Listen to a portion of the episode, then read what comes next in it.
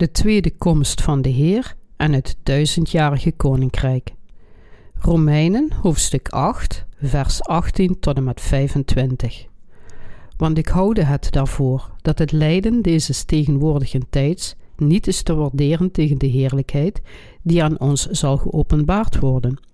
Want het schepsel, als met opgestoken hoofden, verwacht de openbaring der kinderen Gods. Want het schepsel is der ijdelheid onderworpen, niet gewillig, maar om diens wil, die het der ijdelheid onderworpen heeft, op hoop dat ook het schepsel zelf zal vrijgemaakt worden van de dienstbaarheid der verderfenis, tot de vrijheid der heerlijkheid der kinderen Gods. Want wij weten dat het ganse schepsel tezamen zucht en tezamen als een baringsnood is tot nu toe.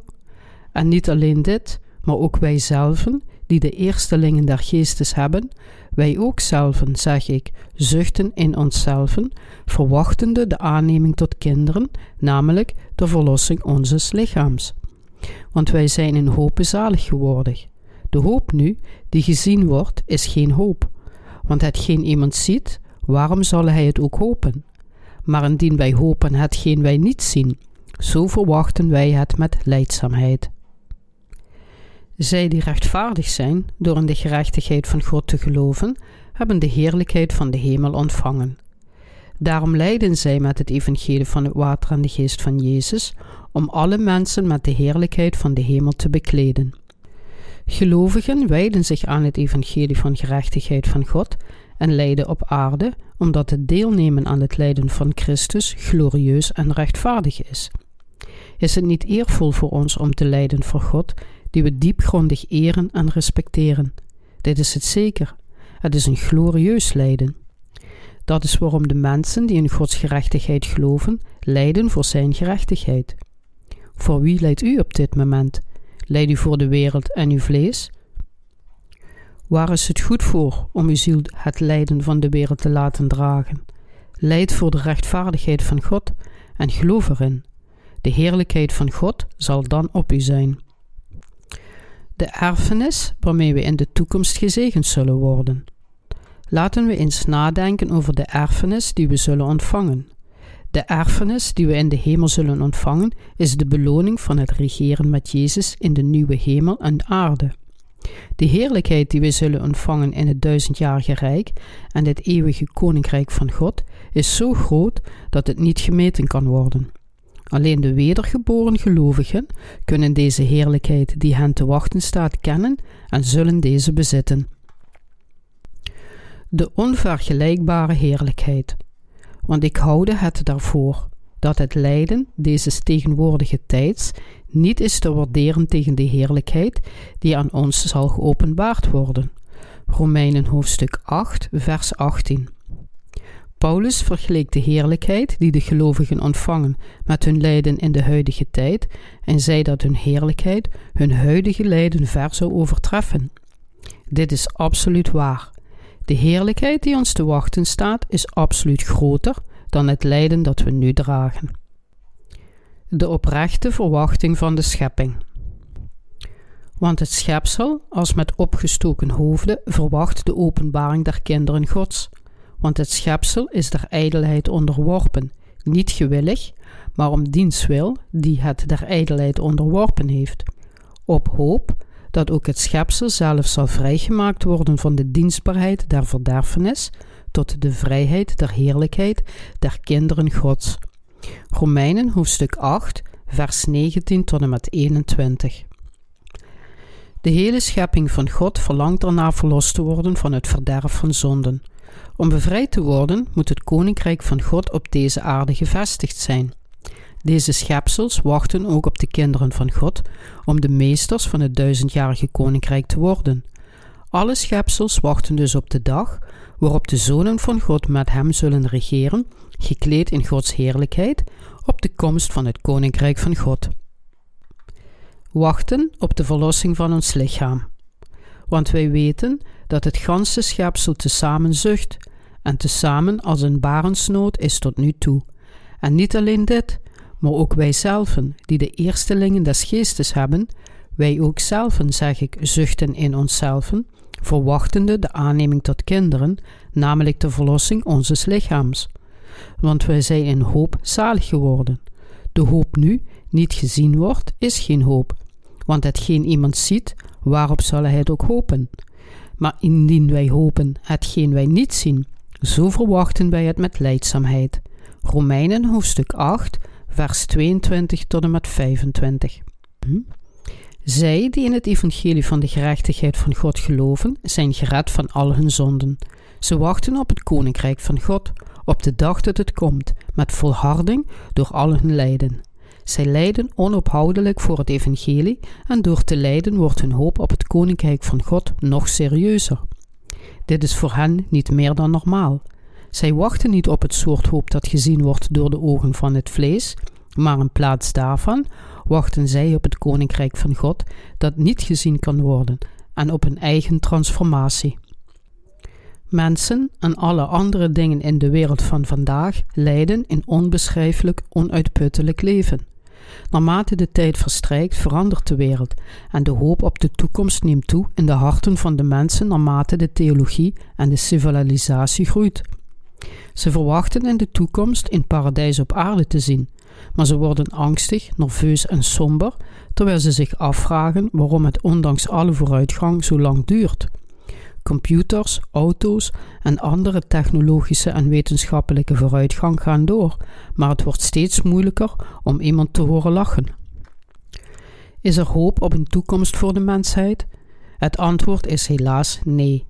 Volgens het woord van openbaringen, als ook volgens de mening van de wetenschappers, staan ons rampen te wachten door een tekort aan water, de vernietiging van de ozonlaag, droogte en ontbossing, waartoe leidt dat veel mensen sterven aan dorst en hitte. Kunt u voelen hoe al deze rampen om ons wachten in ons hart? Leven we in een prettige wereld? In sommige opzichten lijkt het misschien prettig. Wat is er dat niet met geld gekocht kan worden? We hebben schoon water nodig en een gezonde omgeving. Toch wordt de ozonlaag vernietigd waardoor dodelijke stralen door de atmosfeer kunnen dringen, terwijl ultraviolette stralen ervoor zorgen dat planten muteren en de harten van de mensen verharden. Mensen maken zich steeds meer zorgen. Wat zal er gebeuren met deze wereld? Maar wij, de wedergeboren gelovigen, geloven in tegenstelling tot de rest van de wereld dat we zullen deelnemen in de eerste herrijzenis en dat we samen met Jezus voor duizend jaar zullen regeren. De Bijbel vertelt ons dat de Heer zelf weer uit de hemel zal nederdalen met een geroep, met de stem van een aartsengel en met de bezuin Gods. 1 Thessalonicensen hoofdstuk 4 vers 16. De vraag is wanneer hij zal komen. Onze Heer beloofde dat hij zou komen om de mensen die in het evangelie van het water, het bloed en de geest geloven, mee te nemen, en dus wachten we op die dag. Zij die wedergeboren zijn, geloven in dit evangelie. Mijn zonden werden aan Jezus doorgegeven toen hij gedoopt werd. En ik geloof in de Heer als de Verlosser, die veroordeeld werd in mijn plaats voor mijn zonden. God heeft ons de zaligmaking geschonken door zijn enig geboren Zoon Jezus Christus. Hij zal terugkomen om zijn volk te herreizen en hun duizend jaar lang laten regeren op deze aarde. De Bijbel is als een plaatjespuzzel die door de lezer in elkaar moet worden gezet.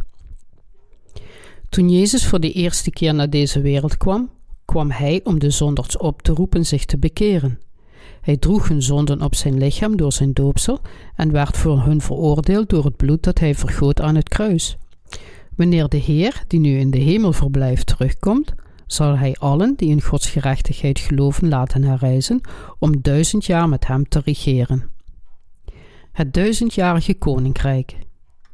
Diegenen die echt van anderen in deze wereld houden, zijn de kinderen van God. Ze zijn de enige mensen die het evangelie van Gods gerechtigheid aan elke verloren ziel brengen om hun voor Christus te winnen. Belonen de mensen van deze wereld de kinderen van God? Nee. Wie beloont hun dan? Als Jezus terugkomt, zal hij hen belonen door diegenen die wedergeboren zijn uit de dood op te wekken en hen duizend jaar lang te laten regeren. Het duizendjarige koninkrijk is voor ons, de wedergeboren gelovigen. Zelfs als de huidige wereld verwoest wordt, zullen wij in een nieuwe wereld leven als onze Heer terugkomt. Daar zal de Heer ons toestaan om met Hem te regeren en gelukkig en vreugdige levens te leiden, zolang als we willen.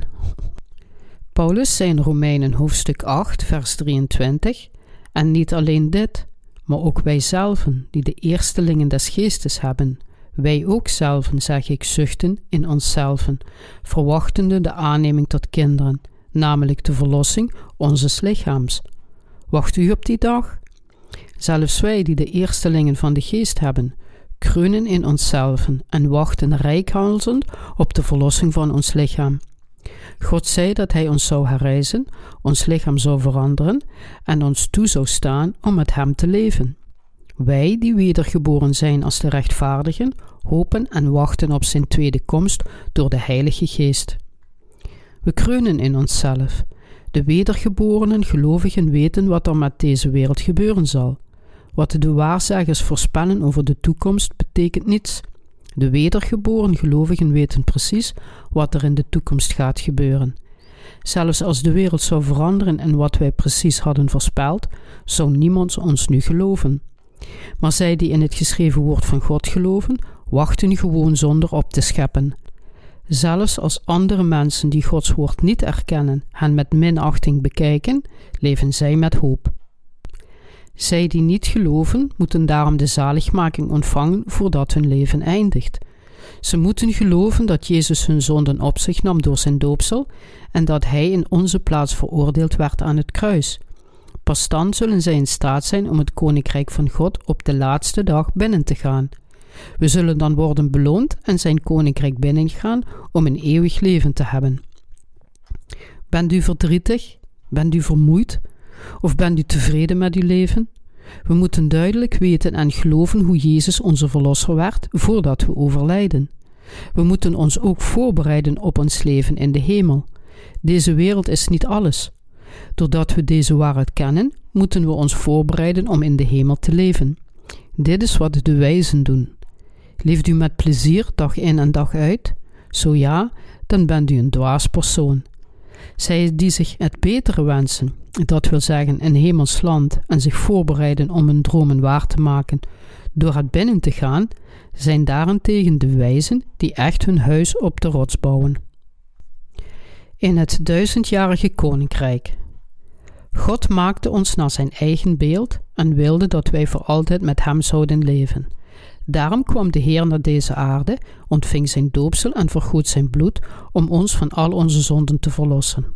Zij die in de gerechtigheid van God geloven, leven met de Heer en de Heer zal hen ervoor belonen. Onze Heer zal de tranen van onze ogen drogen en ons belonen voor alle ontberingen en eenzaamheid die we hebben doorstaan. God vernieuwt alle dingen. Hij zal een nieuwe wereld laten komen waar een zuigeling zijn hand in een adderhol kan steken en niet gebeten zal worden. Jesaja, hoofdstuk 11, vers 8. We moeten geloven in en rijkhalzend wachten op wat niet wordt gezien en met volharding hopen op deze dag. Als we zeggen dat we wachten op wat we zien, zijn we dwaas. Als we daarentegen wachten op wat we niet zien en in het woord van God geloven, zijn we wijs. Na onze zaligmaking wachten we op de heerlijkheid die, hoewel momenteel onzichtbaar voor onze ogen, zeker zal komen. God zelf kreunt meer dan ons, maar Hij laat ons nog steeds wachten. Wij wachten rijkhalzend op de verandering van ons vlees en geestelijke lichamen om te regeren wanneer onze tijd komt. Wat zegt de Heilige Geest die in ons aanwezig is? Waarop laat Hij ons wachten? Hij laat ons wachten op het duizendjarige koninkrijk. De Heer wacht om onze lichaam te vernieuwen en met ons te leven. We wachten ook om duizend jaar te regeren met God. Halleluja, we danken onze Heer. Christenen leven met hoop op de hemel en ze hebben vertrouwen in hun hoop. Dit vertrouwen is niet gebaseerd op onze emotionele gevoelens, maar op het woord van God, die niet liegt.